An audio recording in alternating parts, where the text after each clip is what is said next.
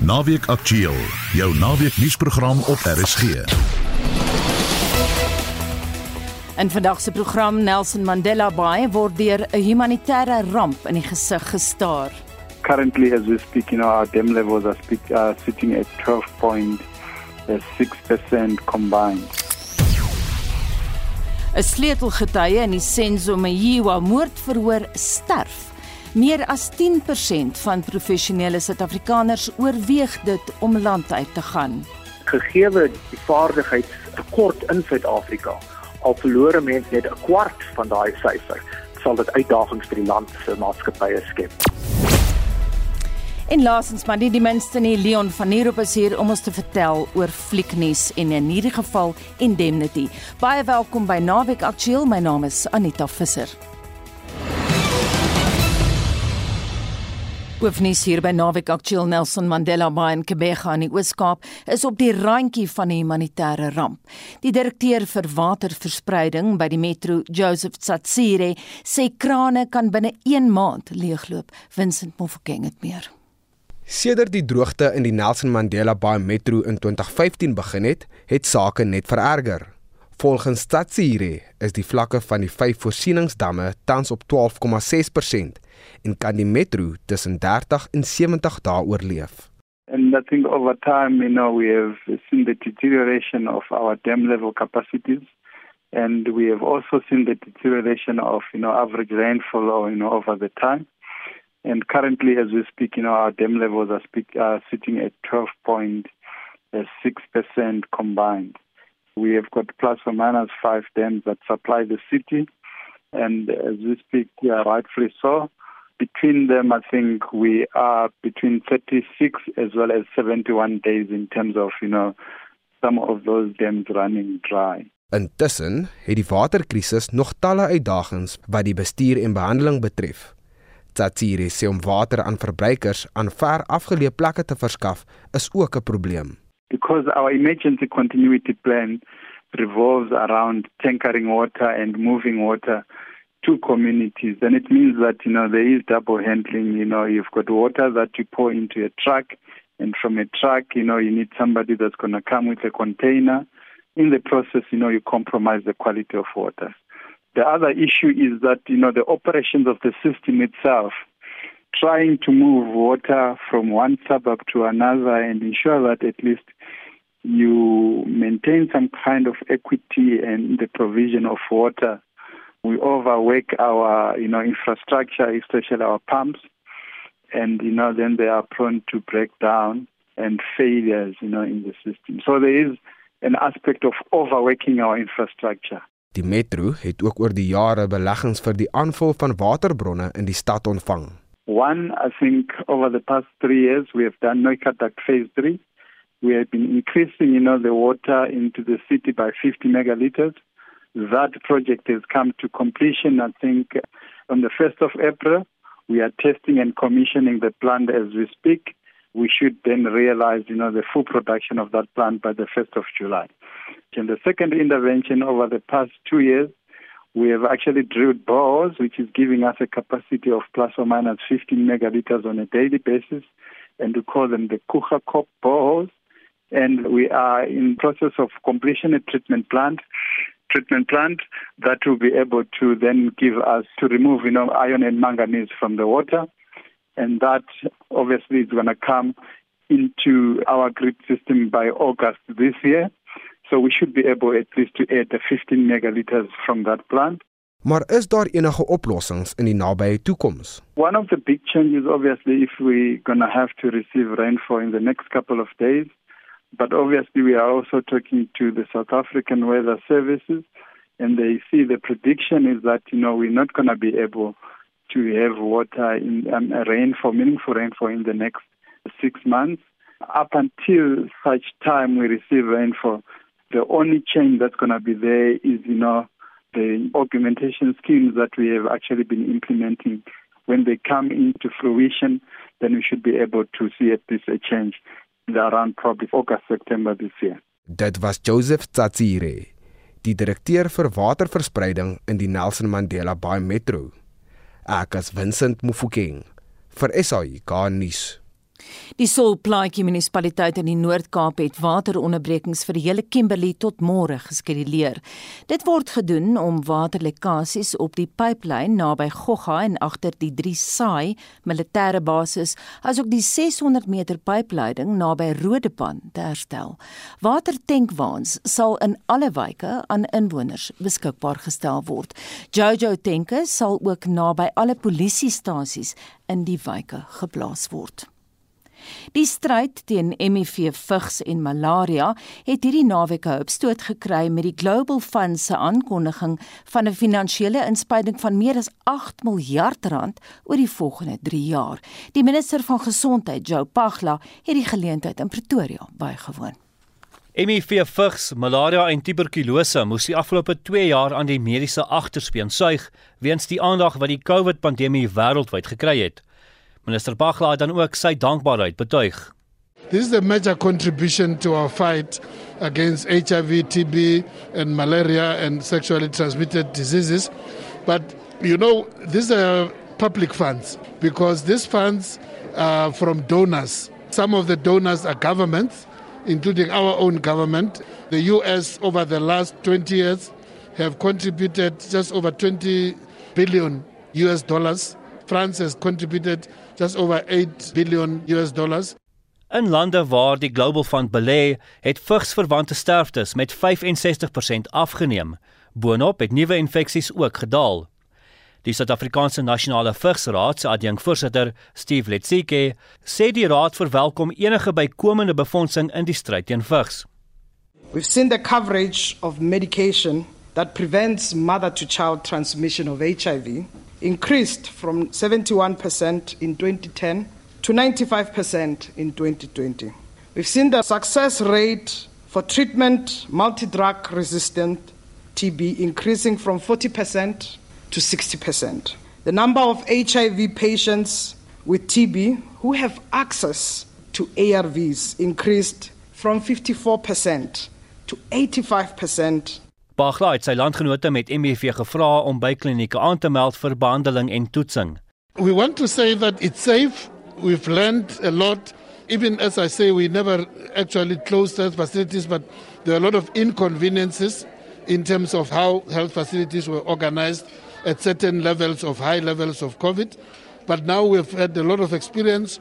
We're making sure that the COVID work does not interfere and people will not really end up standing too long Die Global Fund beraam dat sowat 130 miljard Amerikaanse dollar benodig word om die impak van COVID op die finansiering van ander mediese toestande uit te wis.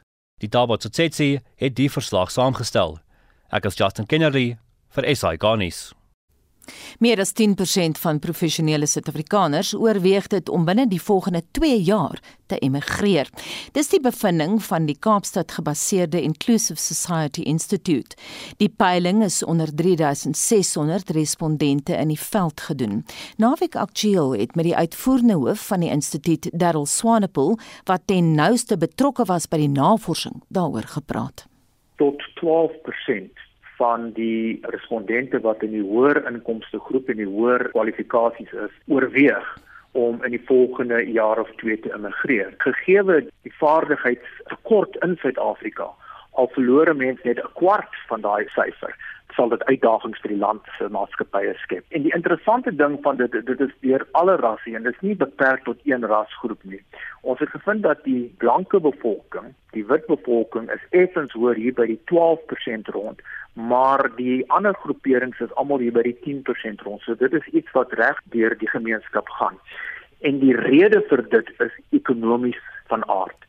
Mense soek werksgeleenthede en hulle soek 'n verbetering van hulle lewe. Wat die goeie storie is, is dat daar is min aanduiding dat dit politieke oorwegings is wat mense uit die land uitskuif.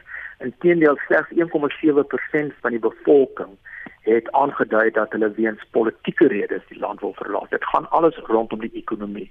So om die posisie reg te maak om die situasie reg te kry, wat ons moet doen is om die ekonomie groei. Dis egter belangrik om te besef dat nie almal wat emigrasie oorweeg tot die stap oorgaan nie, so sê Solidariteit se hoof van navorsing, Connie Mulder. Ons peilings in die verlede het gedui, is meer weens algemene moedeloosheid met die land of wanhoop wat veral sekerlik verstaanbaar is gegee die ekonomiese faktore tans wat mense maklik sê ek wil graag emigreer. Maar dan wanneer ons verdere vrae onder lede sou vra, dan kom dit uit dat 9 uit 10 van die wat sê hulle wil emigreer nog nie werklik enige daadwerklike stappe geneem het nie.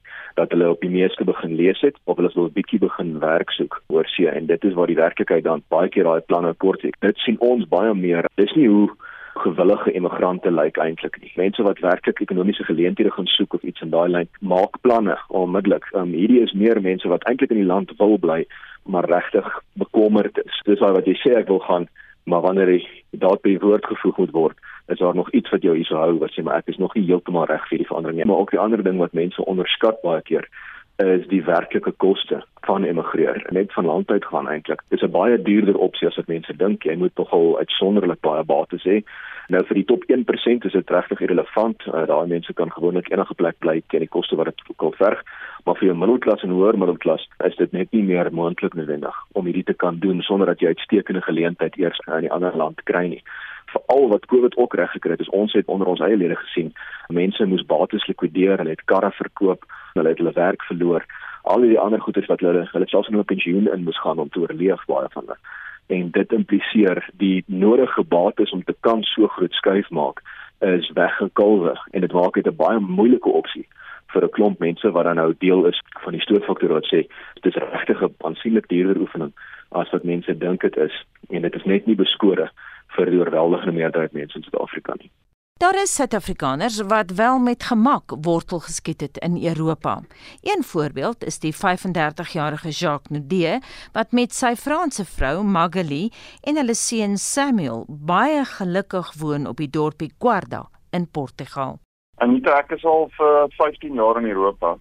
So ek het op die ouderdom van 20 oorgekom, 21 wil ek is nou al heel gewoond aan die Europese leefstyl as dit sou wil vind. En een van die dinge wat meeste mense mee sukkel as hulle oorkom Europa toe is maar die feit dat hulle met hulle familie. En ek het die guns gehad om my hele familie hier te hê, so want hulle het met tyd oorgekom. So ek Portugal toe kom 5 jaar terug. Jaar later het my suster aangekom met my swaar en hulle kinders en toe het my ouers so jaar terug het hulle ook oorgekom en my suster het nou oorgetrek so 'n paar maande terug met haar man. So ons is nou almal hier so so dit maak dit makliker. Maar ek persoonlik is so 'n bietjie anders as meeste mense. Ek het dit makliker gevind om aan te pas hier in Europa. Ek het ook rugby gespeel het professioneel in Frankryk. Was al klomp ouens wat oorgekom het. Dan na 6 maande is hulle omtrent siek van die verlange na die huis en baie van hulle het nie eens 'n jaar gehou nie. Waar ek het dit toe ek aangekom het, ek het dit vreeslik geniet van die begin af. Dit kan dalk wees dat dit, jy weet, ek het oorgekom op die jonger ouderdom. Ek weet nie of dit dalk help het nie. Ek geniet dit vreeslik nie. Ek moet jou sê ek het geen verlange na Suid-Afrika toe nie. Ek dis nie dat ek sit in die aande en dink, "O, oh, my geliefde Suid-Afrika." Glad nie. Ek het natuurlik baie vriende en familie nog daar. So ek weet alles wat daar aangaan en ek weet die stryd wat mense het op 'n daaglikse basis, maar uh, ek persoonlik het nie enige verlang om terug te gaan Suid-Afrika toe nie. Sê vir my wat Portugal betref, wat was vir jou die grootste aanpassing? Die grootste probleem is die taal, veral hier waar ek is. Die area waar ek bly is seker een van die armste areas in Europa. Hier is nie baie mense wat Engels praat nie. Hier is nie ongelooflik baie geleerde mense nie. Die jonger mense trek almal na die groot stede toe. So ek bly op 'n plaas naby aan 'n dorpie so 4 km van my af, maar die enigste taal wat die mense hier praat is Portugees en dan partykeer 'n bietjie Frans van die ouer generasie het in meeste van hulle het in Frankryk gaan werk. Hulle moes ook maar immigreer as gevolg van ekonomiese druk wat hulle hier ervaar het in die 80er en 90er jare. Maar van hulle is nou weer terug. So, so my grootste stryd, ek dink vir mense in, in die algeheel is maar die taal. Dit is die eerste aanpassing. Ek het oorspronklik nie aangekom met die idee om net ietsie kleins te doen, maar met die tyd het ons geleenthede gehad om boerderye te vestig, ons doen amandels en walnuts hier in Portugal alles organies. Met die tyd het daar nog families hier aangekom wat ook grond gekoop het en hulle eie projekte begin doen. So ons is in boerdery en ek is op die oomblik besig om te werk op 'n projek om 'n skakel te maak tussen blockchain en grondkoop in Portugal. Ons is besig om 'n maatskappy te stig wat mense die geleentheid gaan gee om grond te kan koop op 'n platform wat ons besig om te bou. Vir mense wat nou miskien nie die die geld het om die skei te maak op hulle eie nie, maar dat hulle 'n klein deel kan koop van 'n stuk grond. Op die oomblik is ons boerdery alles fisies, ons het 'n groot hele paar hektaar wat ons al geplant het. Ons het al 'n paar Suid-Afrikaners, een uit Kanada, ander uit die Vrystaat uit wat grond wil klaar gekoop het en dan gee hulle dit vir ons om te boer. So ons doen plantasies wat alles gesertifiseer is deur die EU en dan ons besig om skaal te kry. Ja, om later miskien 'n uh, fabriek op te sit en so aan. So ons is heel opgewonde vir die toekoms. Dit is altyd maklik nie, maar ehm um, dis maar deel van besigheid en die aanpassing hier in die land. Jy praat nou van Suid-Afrikaners wat ook daar woon.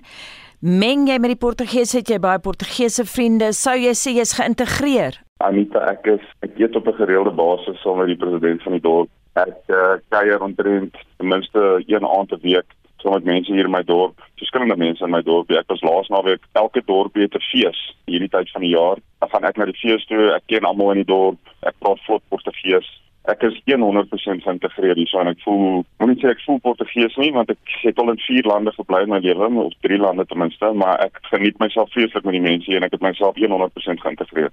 Waarvan hou jy die meeste in terme van die Portugese? Wat trek jou aan? Hierdie mense is ongelooflik verwelkomend. Hulle is ongelooflik warm. Mense wil help. Toe ek hier aangekom het, het ek soveel hulp ervaar van die mense om my in die dorpies, van die munisipaliteit. Hulle het gekom en my pad geteer na my plaas toe hulle is net so ongelooflik verwelkomend. Ek het in my hele lewe, ek het al in Frankryk in vier verskillende dorpe gebly. Ek het nog nooit 'n mensegroep gesien wat so ongelooflik verwelkomend is nie. So vir my is dit die die ding wat uitstraal vir my. Jean, ek het nou al gelees die Portugese is soos die Roemeniërs, absoluut gek oor sop en hulle rook baie. wat staan nog vir jou uit in terme van van wat die Portugese doen en waarvan hulle hou? Elke maaltyd begin altyd met 'n sop hierso van ons area se Calda Verde.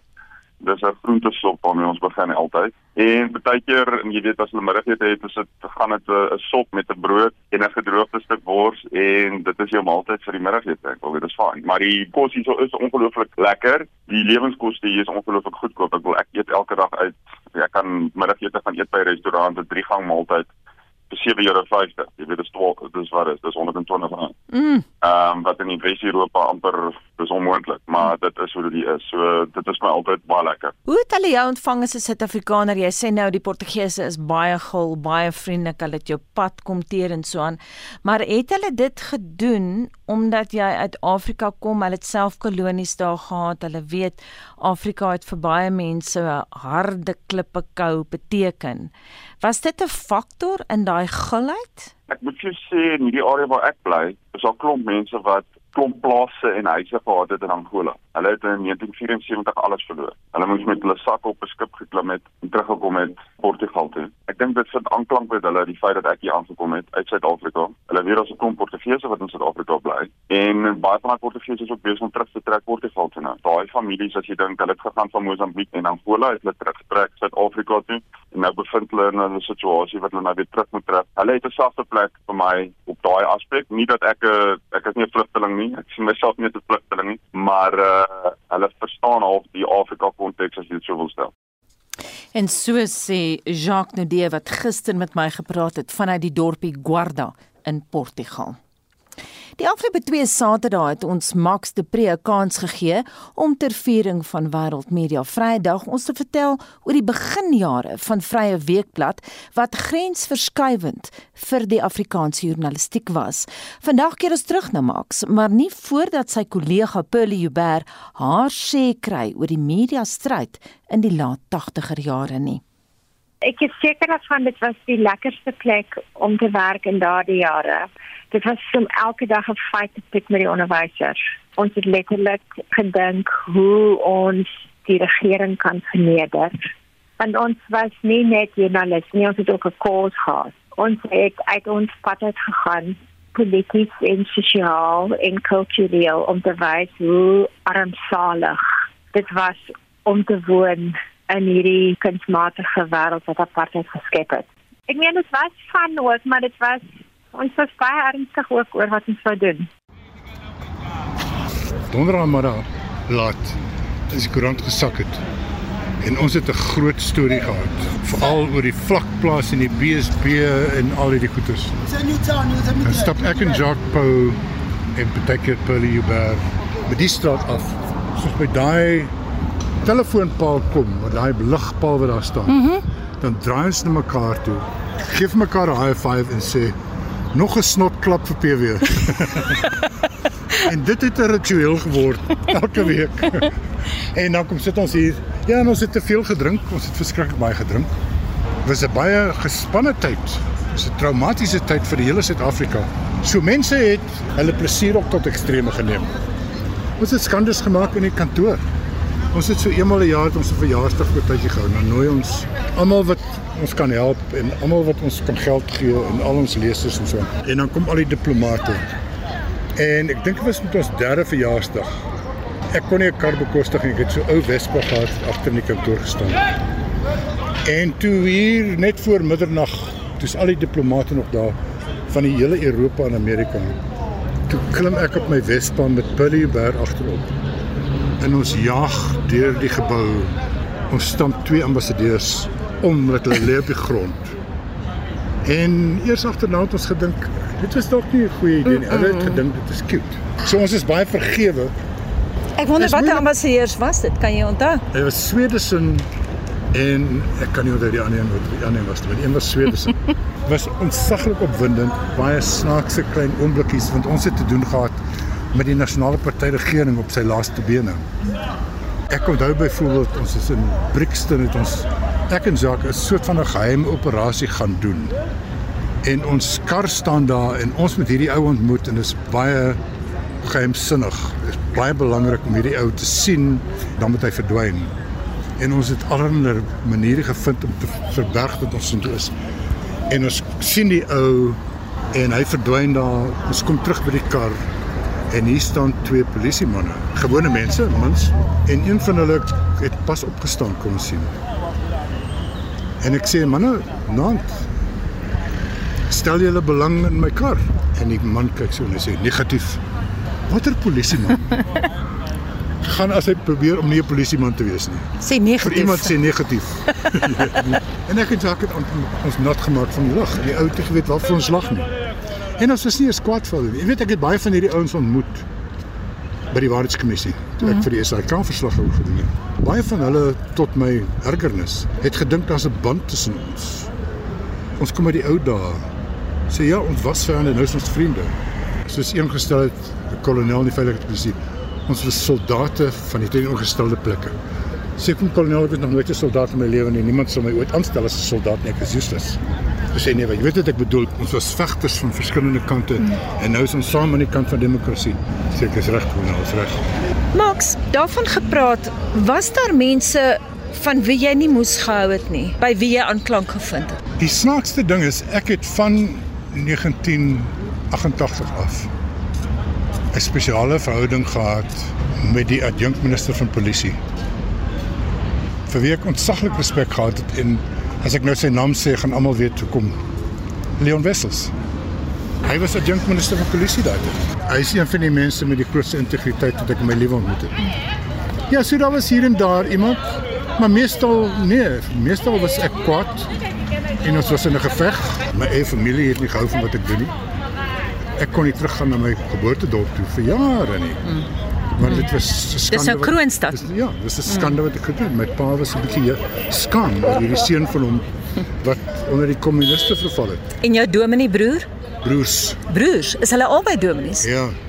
Wat sê hulle van jou? Nee, hulle het maar hulle het maar niks gesê nie. Ons het nie vreeslik gepraat nie. Ek was eintlik maar 'n uitgeworpene in die jare van Vryheidsweg. Kom ons praat 'n bietjie as jy wil. Kan jy iets sê oor Bruiten? Ek weet jy het 'n ongelukkige misverstand gehad en ek weet jy spyt daaroor. Tussen jou en Bruiten want julle was tog aan dieselfde kant. Sou jy daai brug wou herstel? Ag nee, die brug is is herstel as ek min ek het hom die ander dag raak geloop ons het heel vriendelik met mekaar sin kuier. Dis nie vyandskap nie. Ek en hy sou nie natuurlike vriende wees nie. Ek het 'n baie fundamentele beswaar met hom gehad destyds en vandag nog en ek het dit vir hom geskryf op 'n stadium en gesê jy kan nie in weelde in Parys lewe en dan twee keer 'n jaar invlieg, kom broek losmaak op ons en dan terugvlieg nie. Ons wil dit nie meer hoor nie. Bly of bly stil. Ek dink dit geld nou nog. Ek sê dit vir ander mense ook as Bruiten. Mhm. Maar as ek dit klaar gesê het, ja, ons het diep waters saamgeloop. Hy is die prins van die Afrikaanse woord. Daar's niemand so talentvol. Hy en Antjie is die twee konings van Afrikaanse geskrewe woord. Maar nee, ons is nie vriende nie. As jy nou teruggaan Kroonstad toe. Hoe's dit nou? Ek het 'n nostalgie oor Kroonstad wat nie op die werklikheid gebou is nie. My ouers is daar begrawe. Ek vind uit soos laasweek weer ek misbruik Kroonstad as 'n metode om my soort van dikgewrig boere Vrystaatse herkoms te bevestig. Ek wil binnekort sien toe gaan. Ek hoor daar gaan 'n nuwe skool kom dat mense van die township in die dorp werksaam mm. en ek dink dis baie opwindend. Ek wil terugkom na die veiligheidspolisie toe. Wat doen dit sielkundig aan jou? As jy jou foon optel en jy weet jy word meegeluister, as jy agtervolg word, wat doen dit aan jou? As jy nie wil hê sulke goed moet gebeur nie, dan moet jy dit nie doen nie. As jy nie risiko's wil hê nie, as jy nie wil hê jou privaatheid moet geskend word nie, as jy nie wil hê jou familie moet jou haat nie, hou jou bek en bly by die hoofstroom. Mm -hmm. Die oomblik as jy hierdie goed doen, moenie agterna gaan kwee en skra. Hulle het my probeer vermoor. Amptelik het en... hulle my probeer doodskiet op my plaas naby Rosendal. Vir my was dit nie traumaties nie. Ek het gedink dit moes gebeur het. Ek het net nie verstaan wanneer dit gebeur het nie. En ek het dit nie persoonlik opgevat nie. Die ou wat my gaan wou gaan doodmaak, het dit vir my kom vertel. Mm in 1994. Hy was 'n kolonel in militêre inligting en hy het gesê dis niks persoonlik nie en ek en hy het saam 'n dik steak geëet en 'n paar biere uitgedrink en that's it. Dis wat ek gedoen het en dis wat hy gedoen het. Kan jy ja. vertel wat gebeur het? Wel, ek het nie geweet dit gebeur nie. Ek het dit 3 jaar later het hierdie ou vir my vertel dat hy gestuur is om my te gaan doodskiet en hy het 'n Droganov Russiese skerpskutter geweer gehad en hy het op die hoë grond gaan lê. Ek het nie daarvan geweet nie. Hy het nooit geskiet nie. Die eerste keer was my dogter by en sy was toe nog vroeë tienerjare. Ja. Sy sê ek is mos nie 'n monster, ek gaan nie mos nie langs jou dogter doodskiet nie. Mm -mm. En toe kom 94. So al wat ek hiervan weet is wat hierdie ou, hierdie kolonel vir my vertel het. Ek weet van die ander goed niks. Maar wat sê jy en die kolonel toe vir mekaar so oor 'n dik steak en 'n bier? Nee, wat ons het nie vreeslik baie daaroor gepraat nie. Ek meen dis mos nou verby. Dis wat ek gaan doen het. Ek moes dit verwag het. As ek nie dit verwag het nie, moes ek dit nie gaan doen het nie. Die trauma wat ek het van Vrydag wat daar is die finansiële krisis om 'n span elke maand te moet betaal en niemand wil by ons adverteer nie en ons regskoste loop miljoene en dit was my job om te sorg dat daar genoeg geld is. Is dit waar dat die Franse julle help betaal het vir julle regskoste? Dis wat ek gelees ja. het. Die Franse en die Noorweërs en die Swede en die Europese Kommissie van daai tyd het ons regskoste betaal en hulle het betaal vir 'n bietjie vir opleiding. En die geld wat hulle vir opleiding bewillig het, ons sommer gesteel en vir die drukkers gegee. Maar ja, dit was noodsaaklik om ons aan die gang te hou, want niemand wou by ons adverteer nie. Na Steenkamp wat 'n mynbaas op daai stadium. Hy het my kom sien en gesê hy wil adverteer by ons. Volblad advertensie elke week. En toe kom die voorsitter van sy direksie wat toe Derek Kies wat later minister van finansies geword het Ons sê as jy by daai koerant adverteer, mm. dan is jy jou job kwyt. Mm -hmm. En sulke stories het ons baie gehoor dat die regering en die nasionale party het nou die druk toegepas. So ons het nooit advertensie gehad nie. Ons het 'n advertensie gehad van Shell.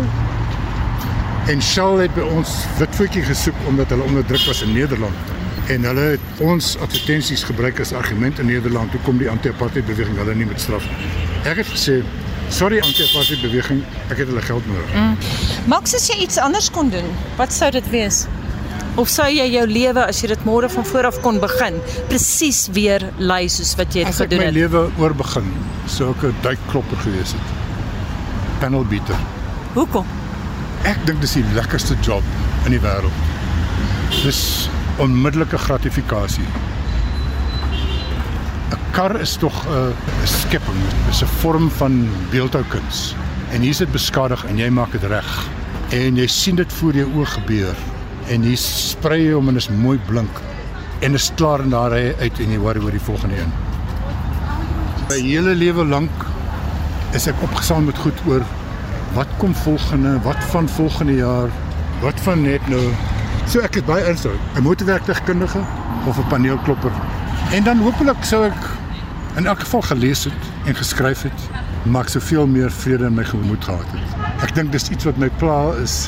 Ek het nie genoeg vrede in my lewe gehad om regtig gaaf te wees met almal om my en om regtig skepend te wees. Ek is altyd in 'n gejaag na die volgende ding. En as ek 'n panel beater was, sou dit nie gebeur het nie. En dit dan Max de Pre met wie naweek aktueel bietjie in Johannesburg se middestad gaan rondloop het, tydens 'n nostalgiese terugblik op Vrye Weekblad se beginjare. En is nou tyd vir sportnuus met Christo Gawie. Een van die voorste vroue in die hedendaagse atletiek sal môre in Kaapstad hardloop. In 'n groot deurbraak vir Suid-Afrikaanse atletiek is gister aangekondig dat die 31-jarige Kenzebe Dibaba van Ethiopië saam met byna 10000 deelnemers aan die Ranyo City wedloop gaan aantree. Die wedloop oor 10 km is die eerste in die nasionale Ranyo City reeks. Met verskeie topatlete van Oos-Afrika word daar verwag dat verskeie rekords in die slag sal bly. Elana Meyer het die nasionale rekord van 31.13 in 2001 in Hongarye opgestel. In PGA gaan Tiger Woods voort met sy terugkeer na ernstige beenbeserings by volgende week se PGA Kampioenskappe nadat hy 'n opspraakwekkende terugkeer gemaak het by verlede maand se meesters met baie nuuskierigheid oor die stand van sy spel. Die 15-malige major kampioen het verlede maand by Southern Hills geoefen en opgewonde aanhangers hoop hy kan verbeter op sy 47ste plek by Augusta waar hy die voltooiing van 72 pikkies as een van sy grootste loopbaanprestasies beskryf het. En in Curriebeeker rugby het die WP gisteraand vir die Pumas op hulle tuiste les laat opsê en die kragmeting gewen met 23-17. Daar's vandag nog twee Curriebeeker kragmetings om na uit te sien, soos die Haie teen die Cheetahs om 0:30 in Bloemfontein, asook die Lions wie by die Bulle op Loftus Versveld gaan kuier om 5:00 vanmiddag. Dit was RSG se sportkorrespondent Christo Gawe. Premier Mahendra Rajapaksa van Sri Lanka is hierdie week vervang met Ranil Wickremesinghe. Intussen is daar oproepe dat president Gotabaya Rajapaksa ook moet bedank. Naweek Aktueel het vroeër vanoggend vir Rolf Meyer wat die Rajapaksa broers persoonlik ken gevra of hy dink president Rajapaksa sal onder toenemende druk swyg en bedank. Ek dink hy probeer se moontlik aan die mag vashou want uh, die die saak is daar heel wat implikasies vir hom en die rest van die Rajapaksa familie.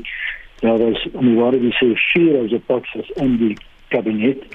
Hulle het allemaal bedank en dan was daar ook nog twee seuns wat uh, in die regering gedien het en hulle het ook bedank. En hy het waarskynlik vir Amerika misschien aangestel om die hoop dat hy kan help om die situasie te red.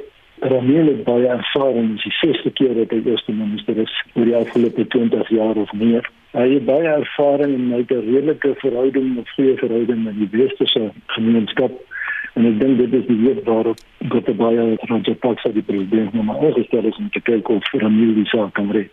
Rolf, jy ken nou albei Rajapaksa broers. Hulle was per slot van sake helde van Sri Lanka se bevrydingsstryd. Hoe het hulle die land so wanbestuur? Wat het fout geloop? Ja, ek dink mense moet dadelik sê Anita dat die helde verering met 'n knippie sou uitgeneem word. Hulle het in die eer van 'n deel van die gemeenskap, die Sinhalese gemeenskap, het hulle aansien verwerf omdat hulle basies die tunnel opstand in 2009 2010 tot einde gebring het. Maar terselfdertyd het hulle dit op 'n manier gedoen wat die internasionale gemeenskap baie ernstig steeds na kyk. Daar is steeds sprake van mense uitwissing op groot skaal. Daar was nou bewering meer as 60000 in die tunnel gemeenskap in die lewe gebring in daai tyd. So die VN se menseregte kommissie en ander kyk steeds daarna. Maar die rede hoekom ek dink die situasie nou het mekaar val wat betref die ekonomie is doodgewoon die skuldlas. 51 miljard Amerikaanse dollar is die skuld aan die buitewêreld. Die helfte daarvan moet terugbetaal word vir 2026. Hmm. Dit totaal en al onmoontlik is. Dit alles het beteken met ander woorde die land het nie geld gehad om sy buitelandse invoere te betaal nie onder andere voedsel, brandstof en so meer. En dit is wel oor die protesbeweging tot stand gekom dan begin van April. Jy het nou verwys na die feit dat Ranil Wickremesinghe die regte persoon is om die krisis te bestuur. Hy was 5 keer van tevore premier van Sri Lanka. Dink jy hy gaan die skip kan omdraai? Ja, dit kan ook oor die vraag wat is regtig sy verhouding met Gotabaya Rajapaksa die president. Ek is nie so seker daarvan ek sien berigte sê dat hy is van 'n alliansie vernoot van Gotabaya. Ek dink nie dis regtig die waarheid nie. Ek dink hulle is aan teenoorgestelde kante van die politieke spektrum in Sri Lanka. Maar die feit van die saak is dat Ranil het vorige ervaring. Hy geniet die vriendskaplike verhouding met die internasionale gemeenskap veral die westerse wêreld en ook met India. Hierdie massiewe buitelandse skuld moet nou heronderhandel word. Ek dink dis die eerste stap wat Ramie moet onderneem. Hy moet gaan probeer om dit te heronderhandel sodat daar nuwe perke gestel word wat dit dan moontlik maak vir die land om voort te gaan met sy ekonomie. Rolf, is daar enige kans dat van die skuld van daai 51 miljard Amerikaanse dollar afgeskryf kan word? Ek betwyfel dit baie ernstig. Ek het vermoed die grootste gedeelte daarvan word deur die internasionale monetaire fonds voorgeskik. Seker ook die Wêreldbank dink nie daar is enige manier dat dit afgeskryf kan word nie. Korrupsie in Sri Lanka strek nou dekades terug. Jy was self heel partykeer daar. Jy het help onderhandel ook aan hulle vredesproses. En ek sien 'n ontleder het gister op die BBC verwys na en ek haal hom aan die criminality of the Sri Lanka state. Hoe erg is korrupsie daar? Hulle het definitief in my vorige ervaring kan ek sê dat die Rajapaksa spele en regerings van tevore het hulle 'n kroniese bedryf aan beweging gehad. Met ander woorde, begunstigdes in die ekonomiese besigheidswêreld het hulle begunstig het om die land amper te plunder op dieselfde skaal wat ons gehad het hier in die tyd met state capture. Nou sy prioriteite is baie duidelik. Die nuwe premier kos is baie duur, dis moeilik bekombaar. Dieselfde geld vir brandstof. Die volk is baie ontstel. Voorsien jy 'n soort van 'n revolusie? Ek ken se bietjie die Sri Lankaner, die mense daar, ek dink hulle is baie kwaad en hulle is waarskynlik met reg kwaad. Maar ek dink nie hulle is mense wat regtig tot 'n revolusie sou oorgaan nie. Ek dink ook nie dat iemand wat 'n revolusie regtig gaan lei nie. Die beste hoop wat daar waarskynlik maar is, is dat Ramil en die wat saam met hom is, genoeg wysheid aan die dag sal lê om die probleem van die ekonomiese druk om te keer. Hy het seker uitsprake gemaak in die laaste paar dae. Hy stem as hy weet daarop dat hy met die uh, onderhandeling rondom die skuld te verpligting te kan regstel sodat daar die geld kan wees om invoer te kan voorsien. Rolf, wat beteken dit alles vir Suid-Afrika? Wel, ek dink die belangrike boodskap is dat die gebeure rondom die COVID-pandemie en nou ook die oorlog in die Oekraïne het 'n boodskap vir die ontwikkelende wêreld. Die VN se Raad vir Handel en Ontwikkeling het 'n lys opgestel van 107 lande wat onder finansiële en ekonomiese druk gaan wees in die tyd wat voorlê. En 25 daarvan tel op die Afrika-kontinent, waarvan Suid-Afrika, Ghana, Kenia en Ethiopië onder meer voorbeelde is. Die punt is dat ek dink ons moet besef dat verhoogde pryse, skaarse beskikbaarheid van middele en alles wat daarmee saamgaan, het 'n ongelooflike impak. Ons kan maar net dink aan die brandstofpryse by ons. Argentinië byvoorbeeld, wat 'n vergelykbare land met ons is, moet nou lenings aangaan teen bedrag van 45 miljard dollar. En dan dit gee 'n aanduiding van dat ook die moontlike voorspelling vir Suid-Afrika kan wees. Ons moet nie dink ons is uitgesluit van daai finansiële druk nie. En so sê Rolf Meyer wat betrokke was by samesprekings oor Sri Lanka se oorgang van 'n burgeroorlog na demokrasie. Die week plaas ons die fokus op die voorkoming en behandeling van brandwonde. Jaarliks sterf minstens 1300 Suid-Afrikaanse kinders aan sulke wonde. Veloorplantings word dikwels aanbeveel. Naweek Aktueel het met 'n plastiese chirurg in Kaapstad, Dr. Dian Stroeweg, daaroor gaan praat. So baie eenvoudig is die bron wat die brandwond veroorsaak baie belangrik.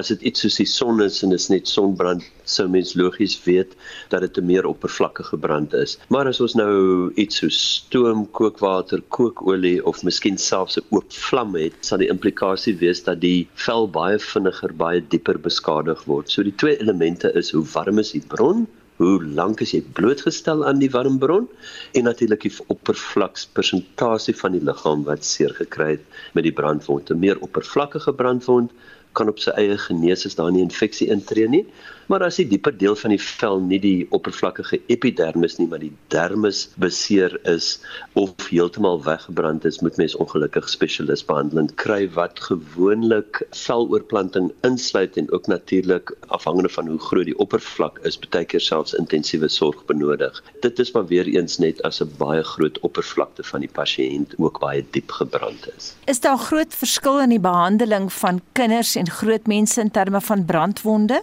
Mens moet altyd weet dat die verhouding tussen die veloppervlakte en die volume of massa van die kind is eintlik die essensiële ding.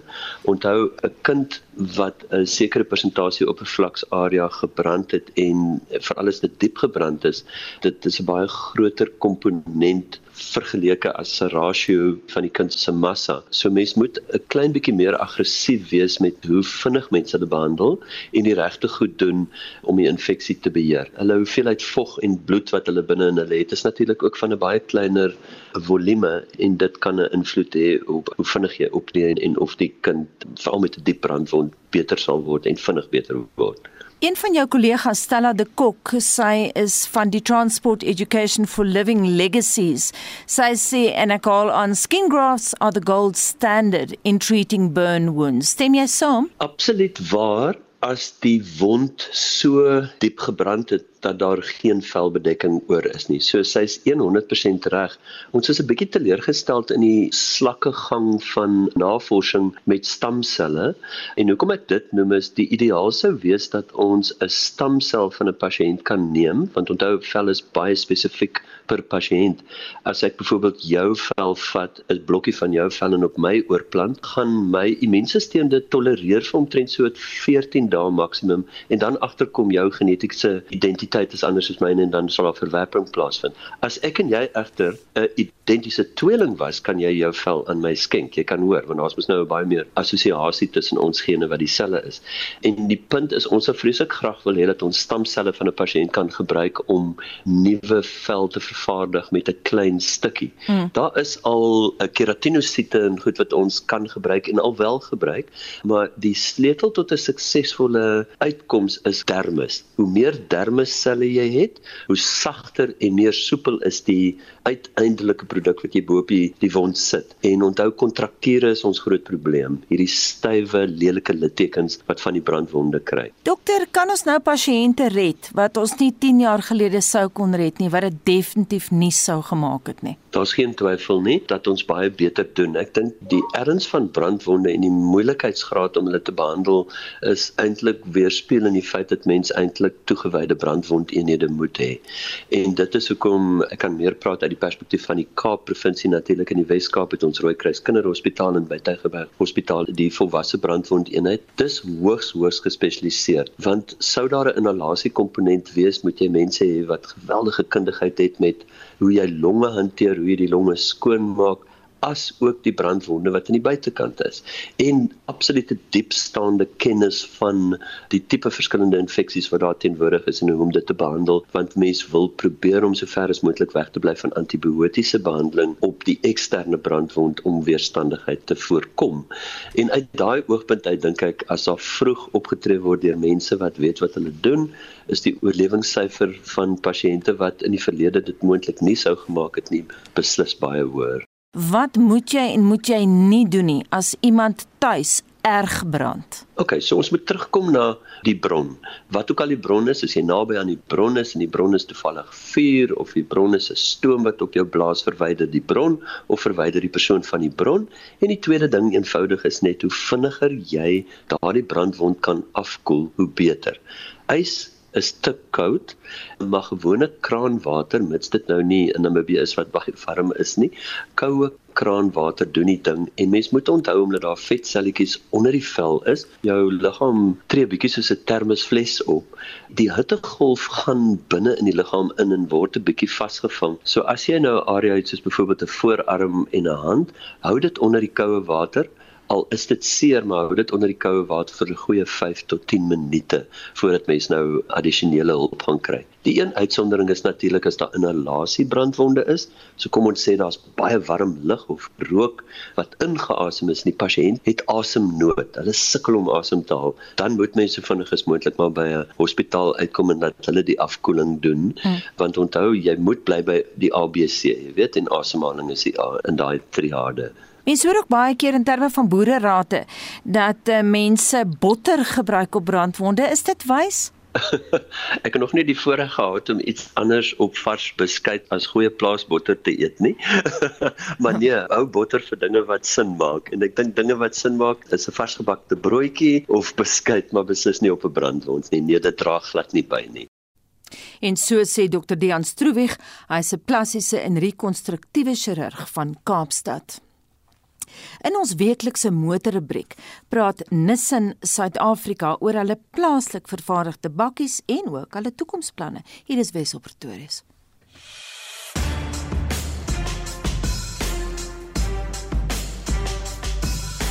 Nissan is hier om te bly. Die motorvervaardiger het 'n belegging van 3 miljard rand gemaak in sy Rosslyn aanleg buite Pretoria om die Navara bakkie plaaslik te vervaardig. Justin Kennerly het 'n dag in die bos spandeer en die verslag saamgestel.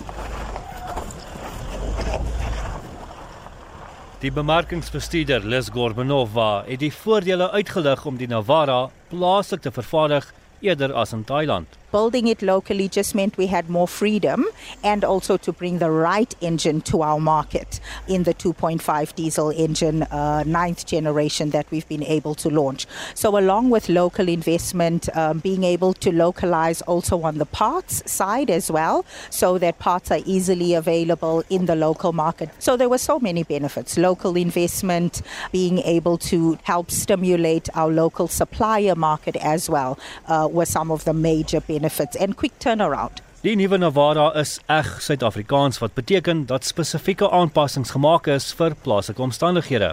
A bucky in South Africa will have extra reinforcing. A bucky in sub-Saharan Africa will have another layer of reinforcing because we do those tests very regularly. We do very rigorous testing in these markets and that's how we're able to grade the various markets in terms of severity. Maar jy kan nie die nuwe Navara se gebou vir Afrika vermoë uitlig en dit self gaan toets nie. Ja, ons het pas breedsnek uitgeklim hier in Noordwes, 'n grouwe, rowwe stuk pad met losklippe, groot klippe en groot slote. Nou uit die paar bakkies wat hier staan, is net een van hulle die 4x4, die res is alles die 4x2. En as ek so na die pad kyk, het ek gedink, jene, ons gaan 'n bietjie sukkel vandag maar dit was toe nie so nie. Uh, ek is baie beïndruk met die bakkie se vermoë om hierdie pad uit te klim, nie eendag vasgesit nie.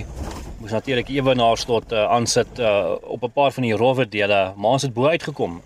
Nissan wil vir die volgende 60 jaar en langer in Suid-Afrika bly. Die voorsitter van Nissan Suid-Afrika, Mike Whitfield, deel hulle toekomsplanne. The electric direction is really driven by what we call a, a Nissan Ambition 2030. Right now, we would see by 2025, I think 30% of all our sales in Europe. What is our Pacific goal in South Africa? We will bring to the market as the market develops. We obviously have the product globally. Uh, electric is without doubt that's where it's going. Europe a lot faster. I believe South Africa will move faster than, let's say, the rest of Africa. But it does require government policy. What is the government strategy? Not only from an infrastructural point of view but also in terms of access to ownership. Die vraag wat enige Suid-Afrikaner vra wanneer jy oor elektriese motors praat, is wat van beurtkrag. Whitfield glo egter dat Eskom oor die volgende paar jaar die kragprobleme sal uitstryk en dink nie dit is 'n onbegaanbare taak nie. Ek is Justin Kennedy vir SI Garnis.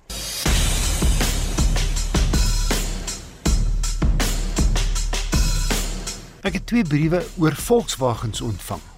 Jerome Petersen vra hoe die Golf GTI se kraglewering en petrolverbruik van die Polo GTI se verskil. Hy het aanvanklik sy hart op die Golf gesit, maar skryf dat die Polo 'n stuk of R3500 'n maand minder kos. 'n Ander luisteraar, Gert Resou, laat weet hy's 'n groot Volkswagen aanhanger. Maar vra Gert, verbeel ek my of het jy lanklaas 'n Volkswagen getoets? Gert, ja, jy's reg, maar is nie uit vrye keuse nie.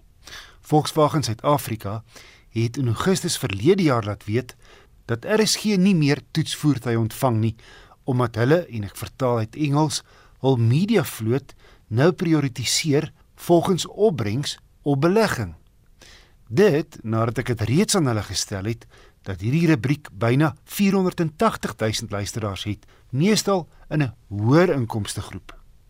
So Jerome om terug te kom na jou vraag, ek kan jou ongelukkig nie antwoord nie want ek is nie vertroud met Volkswagen se voertuie nie.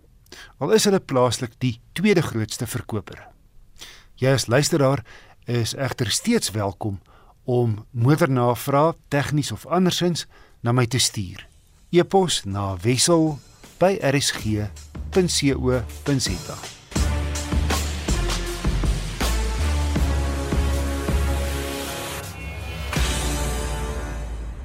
En van Wessel gaan ons na ons hoof fliek vloei en die is Leon van Nierop.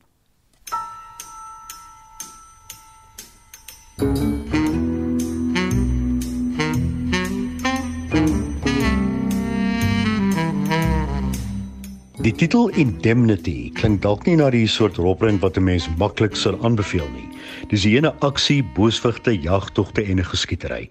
Nou hoekom dit steeds op jou moet sien lysie plaas? Want Indemnity, wat terloops grootliks in Afrikaans geskied is, ja, dis 'n plaaslike rolprent, het meer om die lyf as blote aksie. Maar dis tegnies en veral wat waaghalstoertjies en vuisgevegte betref, van die beste aksieprente wat nog in grootliks Afrikaans gemaak is. Indemnity gaan oor 'n brandweerman wat sy makker in 'n brandongeluk verloor het. Hy hou homself daarvoor verantwoordelik.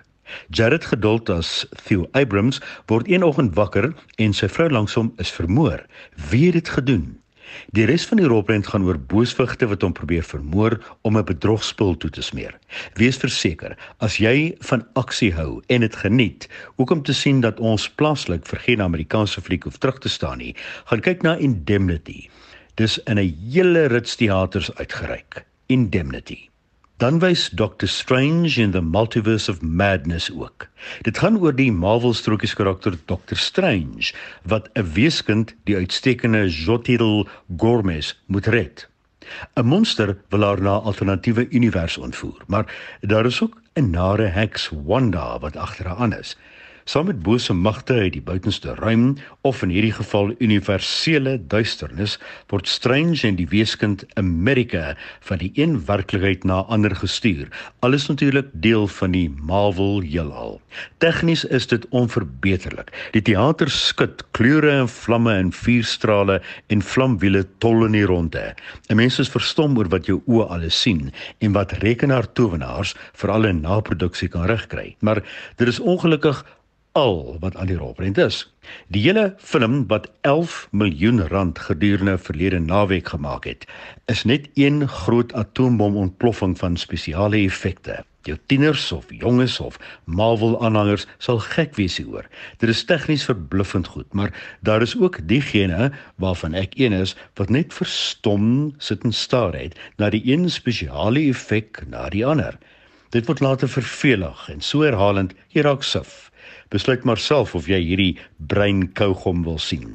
Sam Raimi se Doctor Strange in the Multiverse of Madness kry maar 5 uit 10, maar sy aanhangers sal dit volpunte gee.